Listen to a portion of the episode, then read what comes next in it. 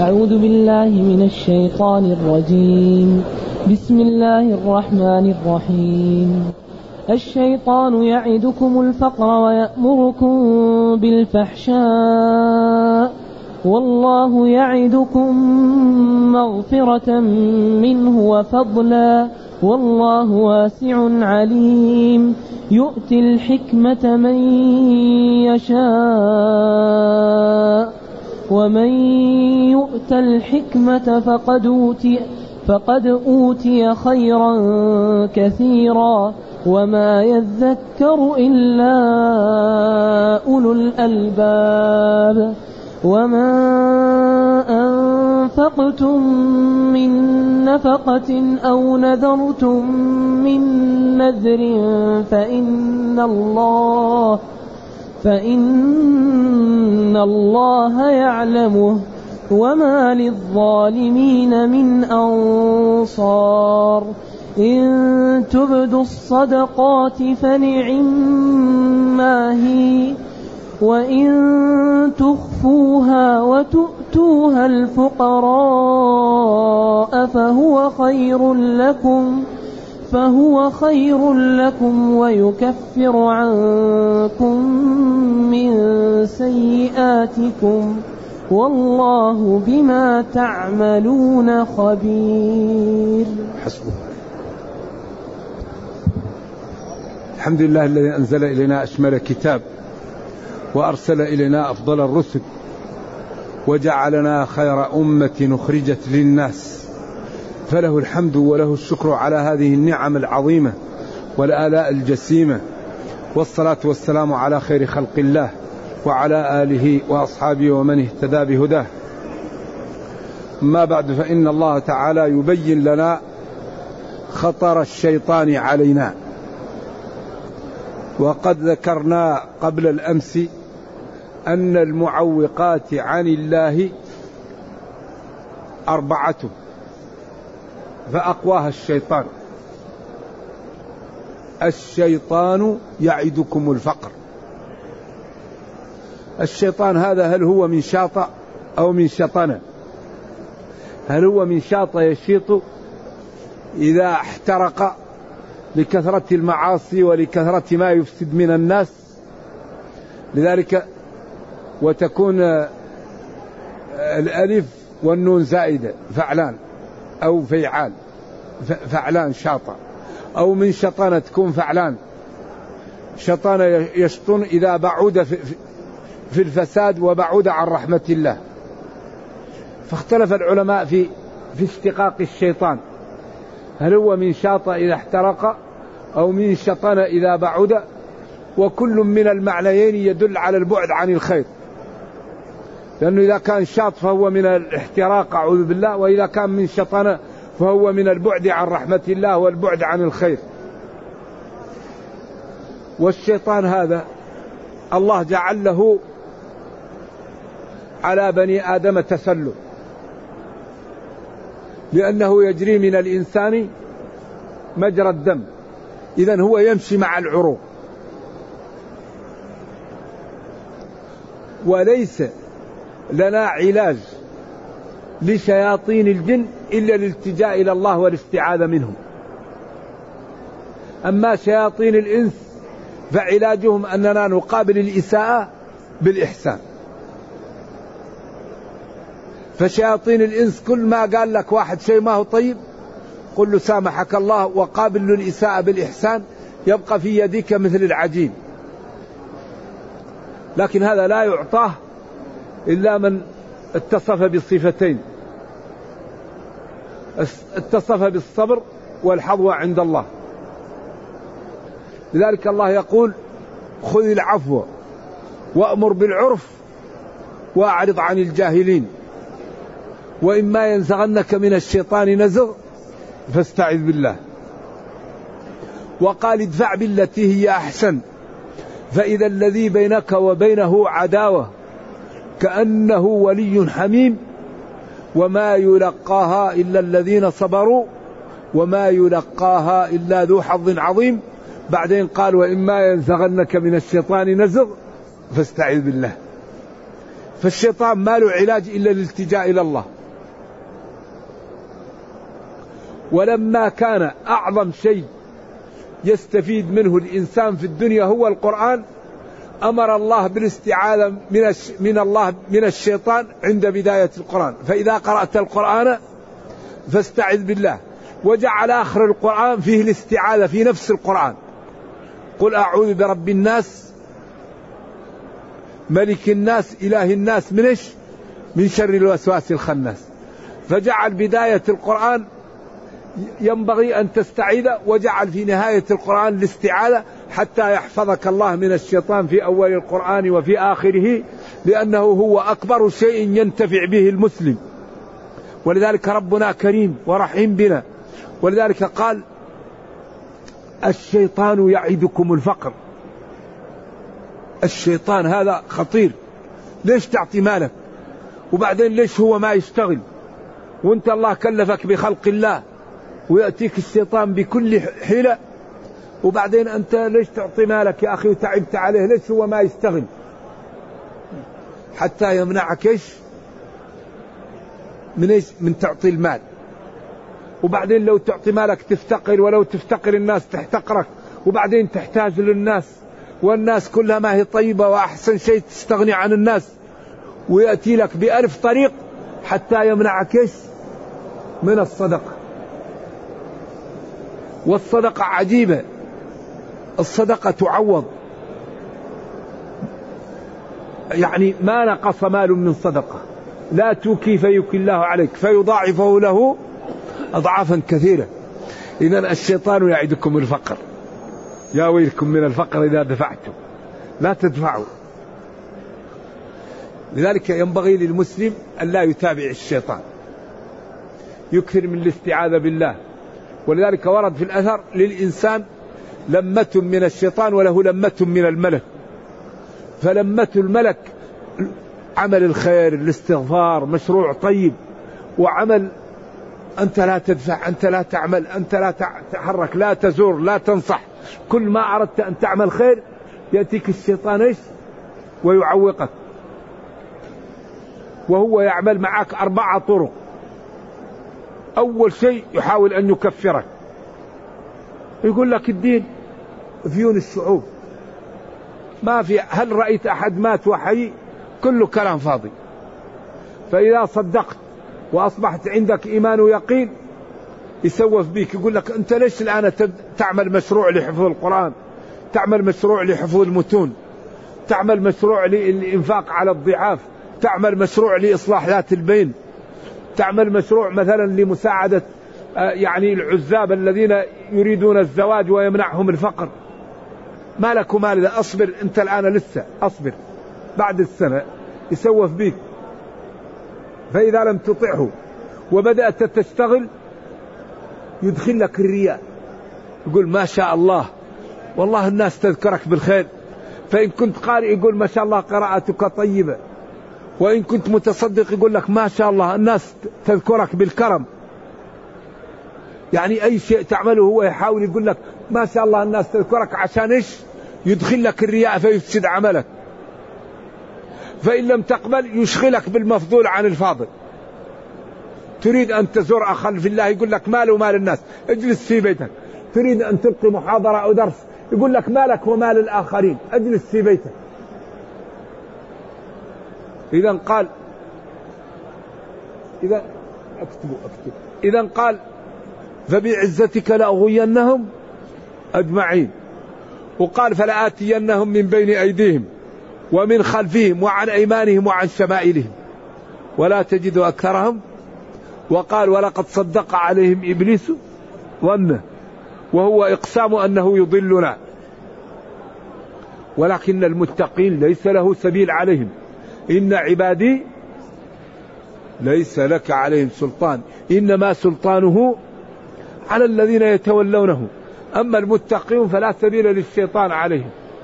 ولذلك كان عمر رضي الله عنه إذا سلك طريق الشيطان يهرب. يخاف من عمر.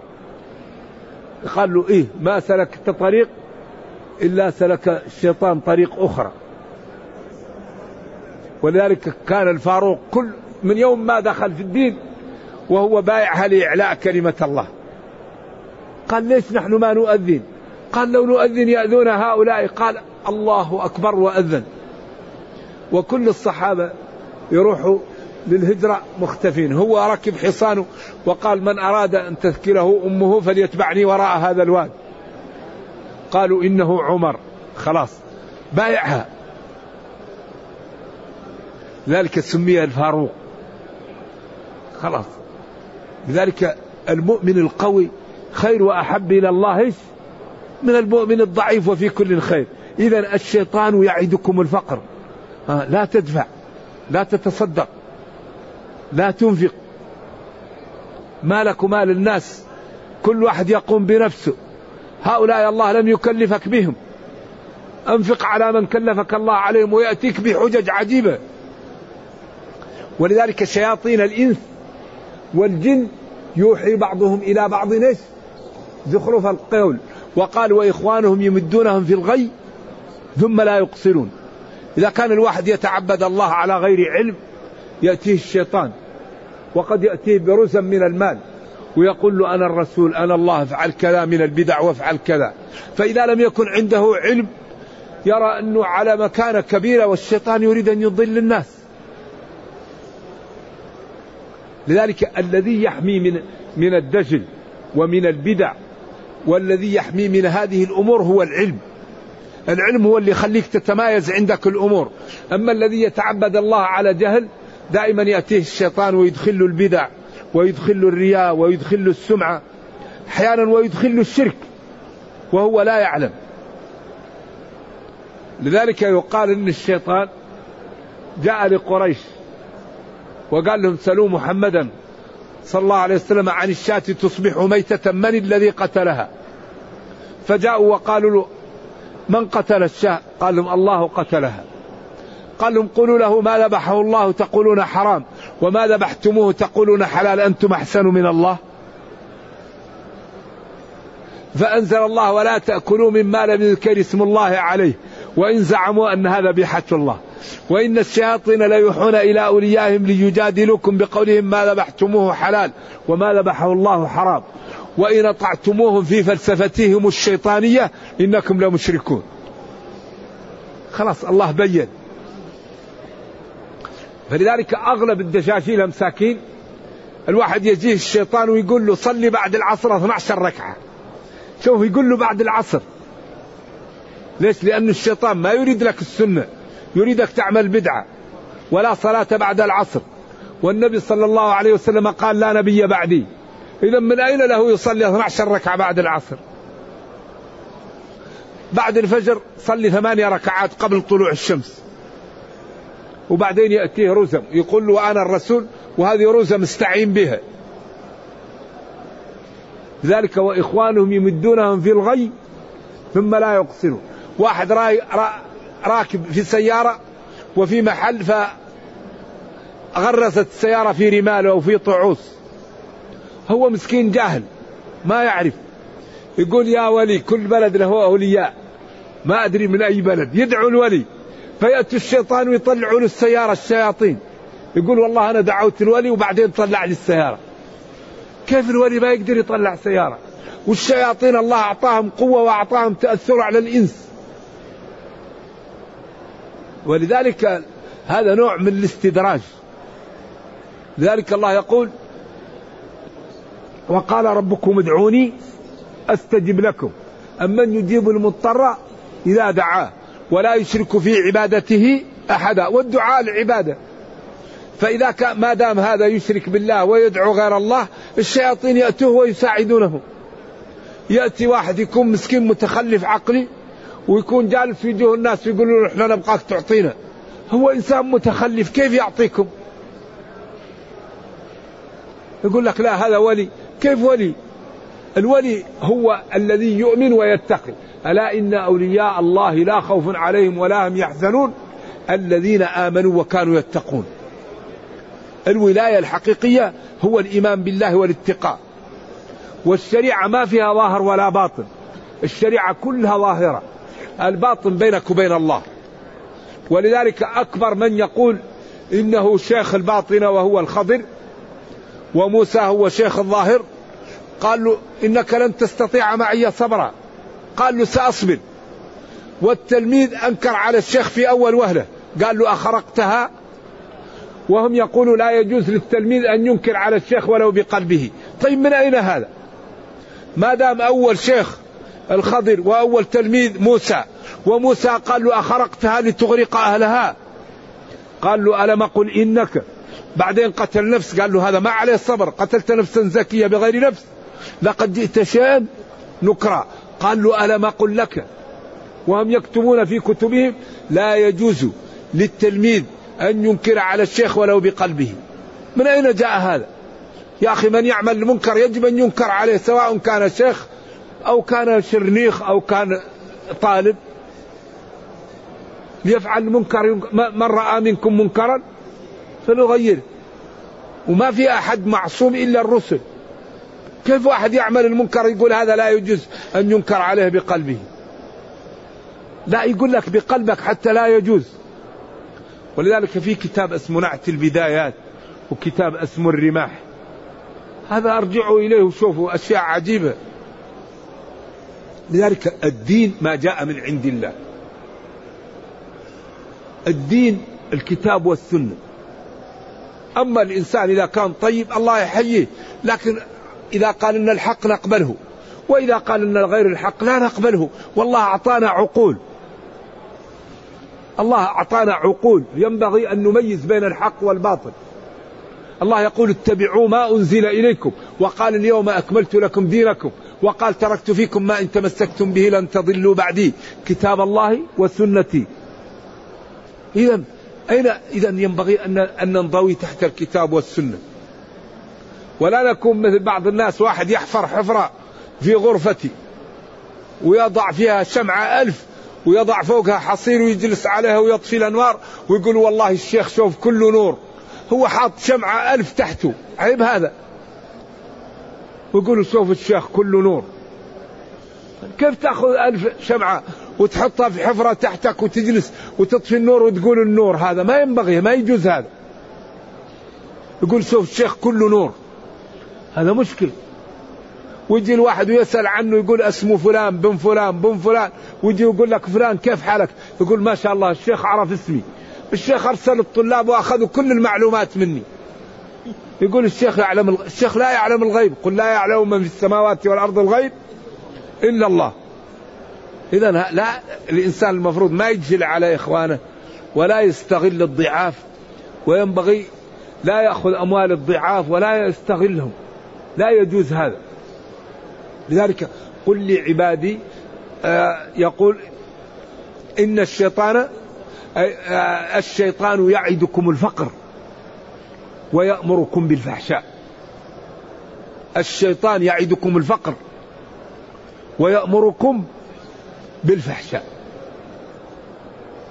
الفحشاء كل عمل في غاية السوء يقال له الفحشاء. إذا وصل نهايته في السوء يكون فحش. الزنا فحش. الكذب فحش. الغيبة فحش. عقوق الوالدين فحش. منع الصدقة الواجبة فحش. أذية المسلمين فحش. نعم. منع الصدقة الواجبة فحش. نعم الزكاة. نعم. لذلك لو تتأملوا كل ما يأمر الله بشيء الشيطان يأمر بضده. تعالى انظروا لأوامر الله. أي شيء يأمر الله به الشيطان إيش؟ يأمر بضده. قال مثلا قصوا الشوارب وأوفروا. الشيطان قال لهم لا أوفروا الشوارب وقصوا اللحى. قال للنساء يدنين عليهن من جلابيبهن. وقال للرجل يرفع قال لا الرجل ينزل والمرأة ترفع. قال الله أحل الله البيع وحرم الربا. الشيطان قال لا حرمت عليكم البيع وأحللت لكم الربا. كل ما يأمر الله بشيء الشيطان يأمر ضده. ولذلك قال ويأمركم بالفحشاء. شوف. انتبهوا الآن أي أمر يأمر الله به الشيطان يأمر بضده. لذلك ينبغي أن نحذر. قل لعبادي يقول التي هي أحسن. إن الشيطان ينزغ بينهم. لأن نزغ الشيطان هذا وراه أشياء عجيبة. والرجل الذي كلمه صاحبه. فانتفخت أوداجه وأصبح أنفه حتى كأن أنفه يتمزق. قال صلى الله عليه وسلم إني أعلم كلمة لو قالها لذهب عنه ما به. فكان الصحابي حريص. قال له ما هي ما هي؟ قال يقول أعوذ بالله من الشيطان الرجيم. قال وهل أنا مجنون؟ ولم يقلها عياذا بالله. أصابه الكبر أصابته المماحكة. فلذلك يعني الشيطان علاجه عندنا والحمد لله. وكل القرآن يبين أن الطريقان طريق الدين وطريق الضلال. طريق الضلال قائدها الشيطان وطريق الدين قائدها الرسل والعلماء والصلحاء. وهذه الطريقة الذي يسلكها يوبق وهذه الطريقة الذي يسلكها ينجو. والقرآن كل هذه الطريقة يوم تبيض وجوه وتسود وجوه. للذين أحسنوا الحسنى والذين كسبوا السيئات جزاء سيئة بمثلها وترهقهم ذلة. نعم. مثل الفريقين كالأعمى والأصم والبصير والسميع هل يستويان مثلا؟ فريق في الجنة وفريق في السعير. كل القرآن يهيئ ويبين صفات المتقين ومآلهم. ويبين صفات المجرمين ومآلهم ليعتبر الناس ويأخذوا من أنفسهم لأنفسهم قبل أن يفوت الأوان. إذا الشيطان يعدكم الفقر ويأمركم بالفحشاء. والله جل وعلا يعدكم مغفرة منه وفضلا. والله واسع عليم. يا سلام يا سلام. والله يعدكم مغفرة. لأن المغفرة هذه العبد إذا اطمأن أن الله يغفر له ينشط للطاعة وينشط للعبادة وينشط لإكرام الناس وينشط للأمور لأنه يعني الواحد إذا قيل له غفر لك كيف يكون؟ ينشط. والإنسان إذا كان فرح أعماله تضاعف وذهنه يقوى وإنتاجه يقوى وتأثيره في الآخرين يقوى. والله يعدكم مغفرة منه. نعم. الحسنة بعشر أمثالها. ومن تاب تاب الله عليه. ولا يهلك على الله إلا هلك. ومن تاب وعمل الله يبدل له سيئات حسنات وهذا في محكم التنزيل. يعدكم مغفرة منه. لذنوبكم ولأخطائكم ولزلاتكم. ومغفرة منه وفضلا. ويعطيكم زيادة. المال يزيد بالصدقة. والمال يزيد بالنفقة. والمال يزيد بكثرة العيال. والمال يزيد بكثرة الزوجات لأن الله تعالى كل نفس هو رازقها. وما من دابة في الأرض فكل ما زاد العيال الله يزيد لك الخير. وكل ما كثرت الدولة كثر الإنتاج. أكبر دولة الآن في العالم ما هي؟ ما هي؟ الصين. هي أكبر دولة الآن كل سنة يزيد اقتصادها. أكبر دولة في العالم كل سنة يزيد اقتصادها ما هي؟ الصين. إذا الزيادة لا تمنع لا, لا تمنع الرزق. إذا الذي يقول نحن يعني نحدد النسل هذا سوء أدب. خلي إذا كثر المسلمين كثر الأذكياء وكثر المخترعون وكثر الأطباء والمهندسون والعلماء وكثر الإنتاج وأصبحت الأمة قوية وأقوى ما يقوي الأمم الأفراد العقول. لذلك الصين الآن مع أنها بلد أصبحت من أقوى الدول بماذا؟ بالأنفس. والله جل وعلا يعدكم مغفرة منه وفضلا. فضل زيادة. كل ما أنفقت يزيد. كل ما كثر الأولاد يزيد الخير. كل ما أعطيت يزيدك. كل ما تصدقت يزيد. فضلا منه. والله واسع. واسع العطاء. واسع العلم. واسع الكرم. واسع القدرة. والله واسع لا يخفى عليه خافية وهو كريم فسيعطي كل واحد ما يحتاج إليه وسيعطي لكل واحد حاجته ويعطيه الأمر الذي يريده ولذلك الناس يرزقها الله على قدر نياته. من يريد أن ينفق على الآخرين الله يعطيه من ينفق به على الآخرين. ومن يريد أن يكفي نفسه الله يعطيه ما يكفي نفسه. ومن يريد أن ينفق عليه الآخرون الله يجعل الآخرون ينفقون عليه. كل واحد وما يضع فيه نفسه. الله يعطيه للعبد على قدر نيته وعلى قدر همته. لأنه كريم ويقول ادعوني أستجب لكم. فكل واحد يعطى على قدره. ثم قال جل وعلا يؤتي الحكمة من يشاء. يؤتي يعطي الحكمة. الحكمة لها أقوال كثير. من العلماء من قال النبوة منهم من قال الورع. منهم من قال العقل. وأحسن كلام رأيته قال مالك الحكمة هي معرفة العلم والفقه به والعمل. قال الحكمة هي معرفة العلم والفقه فيه والعمل به. كأن هذا يمكن يكون كل الأقوال تجمع هذه الكلمات. الحكمة هي معرفة العلم والعمل به والفقه فيه والعمل به. أن يعلم ويفهم يكون عالم حافظ وفاهم ويعمل بعلمه وحفظه. نعم. والله يعطي الحكمة من يشاء كما أنه يعطي النبوة من يشاء. قالت رسلهم إن نحن إلا بشر مثلكم ولكن الله يمن على من يشاء من عباده. من يمن عليه بالنبوة؟ من يمن عليه بالحكمة؟ من يمن عليه بالكرم؟ من يمن عليه بالتغاضي عن إخوانه من يمن عليه بالعقل؟ من يمن عليه بخوف الله الورع؟ كل واحد يمن عليه بشيء. لذلك الإسلام يكمل فينا جميعا. تجد واحد يحفظ تجد واحد يفهم تجد واحد يتقي تجد واحد يساعد تجد واحد يعقل الناس ويؤطرهم للدين تجد واحد قدوة في الخشية وفي الاستقامة. والمسلمون يحتاجون إلينا جميعا. إذا المسلمون يكملون بعض وبهم يكمل الإسلام. ولذلك الله يقول وتعاونوا.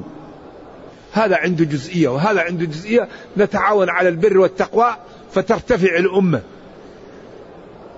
يؤتي ويؤتى أيوة يؤتي الله. الحكمة العلم والفقه والعمل. من يشاء من خلقه. ثم قال ومن يؤتى الحكمة؟ قال ومن يؤتها. لا قال ومن يؤتى الحكمة. فقد أوتي خيرا كثيرا. لاحظ معي. قال قل متاع الدنيا قليل. متاع الدنيا قليل. وسمى متاع إنما مثل الحياة الدنيا كماء فاختلط به نبات الأرض فأصبح هشيما. كماء أنزلناه من السماء فأنبت الأرض ثم نشفت الأرض واختلط به نبات الأرض فأصبح هشيما. لكن قال ومن يؤتى الحكمة فقد أوتي خيرا كثيرا.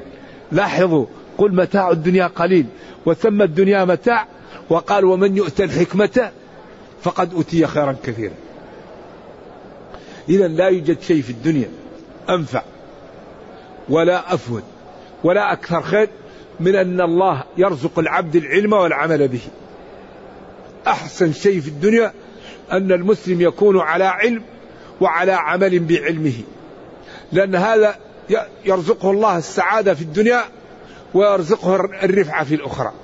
لذلك ينبغي لكل واحد منا أن يتصف بالعلم والورع. يتعلم. ولا يوجد شيء أفضل من طلب العلم. طلب العلم. قال العلماء الذي يبيت قائم الليل أفضل منه من يبيت يدرس نوافل العلم. ذكر ذلك الخطيب البغدادي في كتابه الفقيه والمتفقه.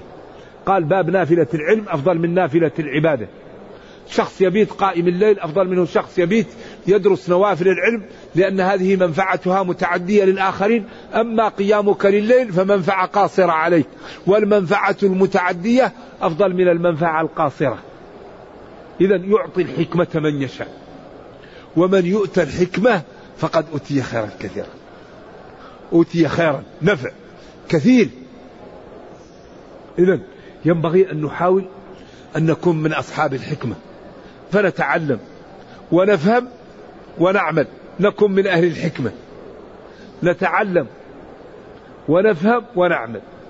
ولذلك قال ولقد آتينا لقمان الحكمة. ماذا قال لقمان؟ كلامه ماذا قال؟ الآية الآية الذي فيها الكلام اللي فيها كله حكم. يا بني لا تشرك بالله. إن الشرك لظلم عظيم. أيوه.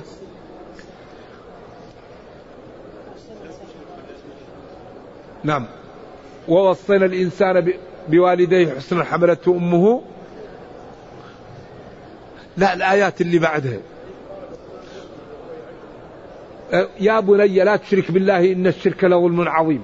بعدين الآيات اللي بعدها كلها هي هي الحكمة. والحكمة مشتقة من من الحكمة. وهي الحديدة التي توضع في فم الفرس فتمنعها من الجموح وسميت الحكمة حكمة لأنها تمنع صاحبها من أن يقف في المعاصي أو في الزلات أو ما لا ينبغي. ومنه الحكم لأنه يمنع صاحبه ومنه الحاكم لأنه يمنع من أن يعتدي هذا على هذا. كل المادة من المنع والحكم عما لا ينبغي. وما يذكر إلا أولو الألباب. هذا الكلام وهذه الآيات السابقة فيها تذكير وفيها نفع وفيها خير كثير ولكن ما يستفيد إلا أصحاب العقول.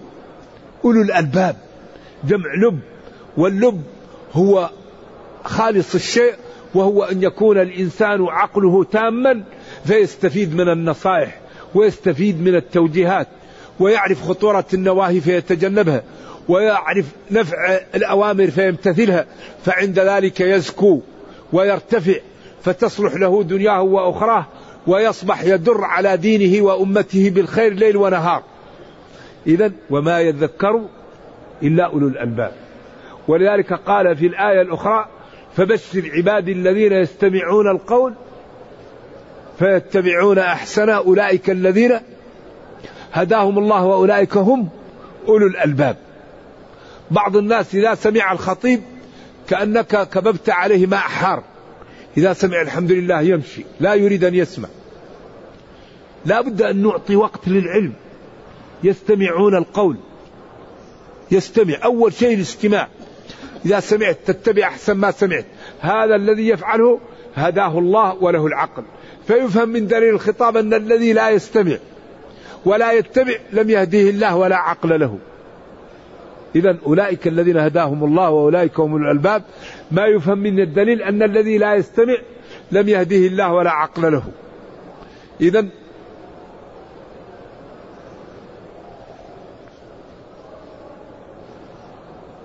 وما يذكر إلا أولو الألباب إلا أصحاب العقول. وما أنفقتم من نفقة أو نذرتم من نذر فإن الله يعلمه وهو كريم وقادر. إذا سيعطيكم الجزاء الأوفى. ف ف فاكتفى بقوله فإن الله يعلمه عن سيعطيكم الجزاء الأوفى. وما أنفقتم من نفقة أو نذرتم من نذر فإن الله يعلمه. شوف فإن الله يعلمه هذه وراها ما وراها. فإن كان طيبا فسيجازيك وإن كان لأجل أن يقال فسيجازيك. فإن الله يعلمه.